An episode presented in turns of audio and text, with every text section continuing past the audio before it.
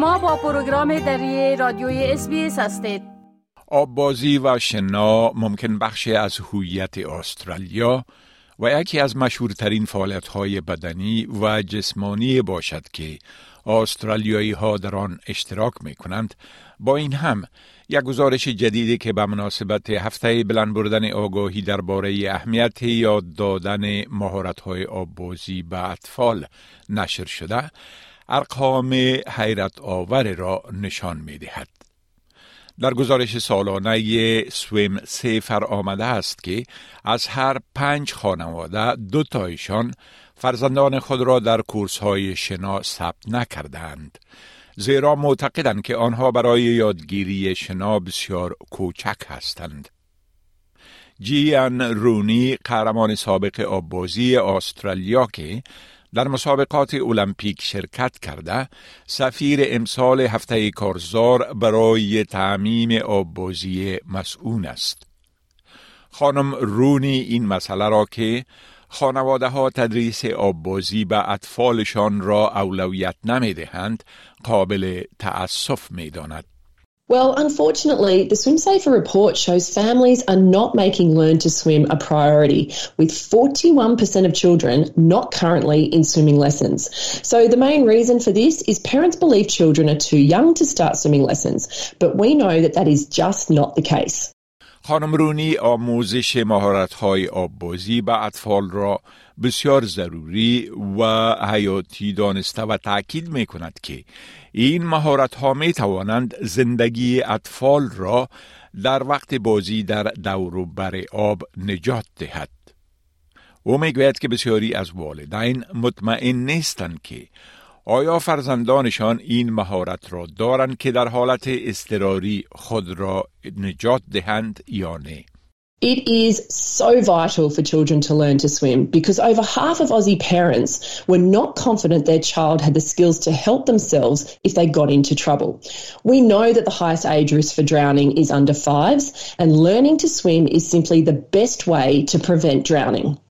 این قهرمان سابق آببازی استرالیا میگوید که بلند رفتن مخارج زندگی در این اواخر بر بودجه خانواده ها تأثیر داشته و یک سوم از خانواده هایی که در ارتباط با آموزش مهارت های آببازی به فرزندانشان مورد پرسش قرار گرفتن گفتند که کورس های آموزش مهارت های آببازی بسیار قیمتند اما او ابراز خرسندی می کند که با این هم بسیاری از خانواده ها بعضی از مخارج غیر ضروریشان مانند نوشیدن قهوه و نانهای آماده شده در بیرون یا مخارج زیبایی و آرایش را فدای یاد دادن مهارت‌های آببازی به فرزندانشان می کنند. We know cost of living has impacted children's access to swimming lessons, with a quarter of families stopping lessons this year.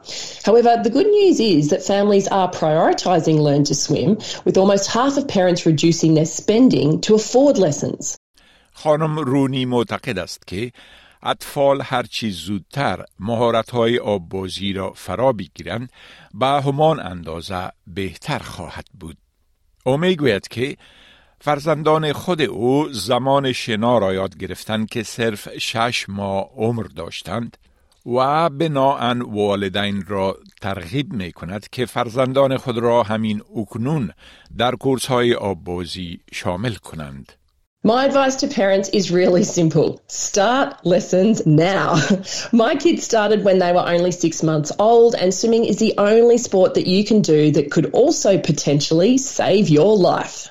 او میگوید که مکاتب فراوان در کارزار هفته سویم سفر یا شنای مسونتر از 20 تا 26 نوامبر سهم می‌گیرند و مردم به خاطر به دست آوردن معلومات بیشتر می توانند به وبسایت سویم سیفر مراجعه کنند. There are swim schools right across Australia getting involved in Swim Safer Week. You can head to swimsafer.org.au to find your nearest participating swim school. یک ابتکار به نام سویمت فوروارد در نظر دارد سالانه بیش از 100 هزار دلار اعانه جمع آوری کند تا موانع مالی را از سر راه خانواده ها دور کرده و با اطفال محرومتر در آموزش آببازی کمک کند تا خانواده ها مجبور نباشند که یاد دادن آببازی به فرزندانشان را قربان رسیدگی کردن به فشارهای مالی کنند. بیش از یک هزار مکتب آببازی در سراسر استرالیا در این ابتکار شرکت دارند و در جریان هفته سویم سیفر به اطفال های رایگان را می آموزند و مردم هم در این هفته می توانند به خاطر کمک به ابتکار سویمت فورورد ایانه دهند. مردم برای یافتن مکاتب سهیم در هفته سویم سیفر و همچنان چگونگی اعانه دادن می توانند به وبسایتی که قبلا یادآوری شد به آدرس swimsafer.org.au مراجعه کنند. می خواهید این گونه گزارش ها را بیشتر بشنوید؟ با این گزارشات از طریق Apple Podcast، Google Podcast، Spotify و یا هر جایی که پادکاستتان را می گیرید گوش دهید.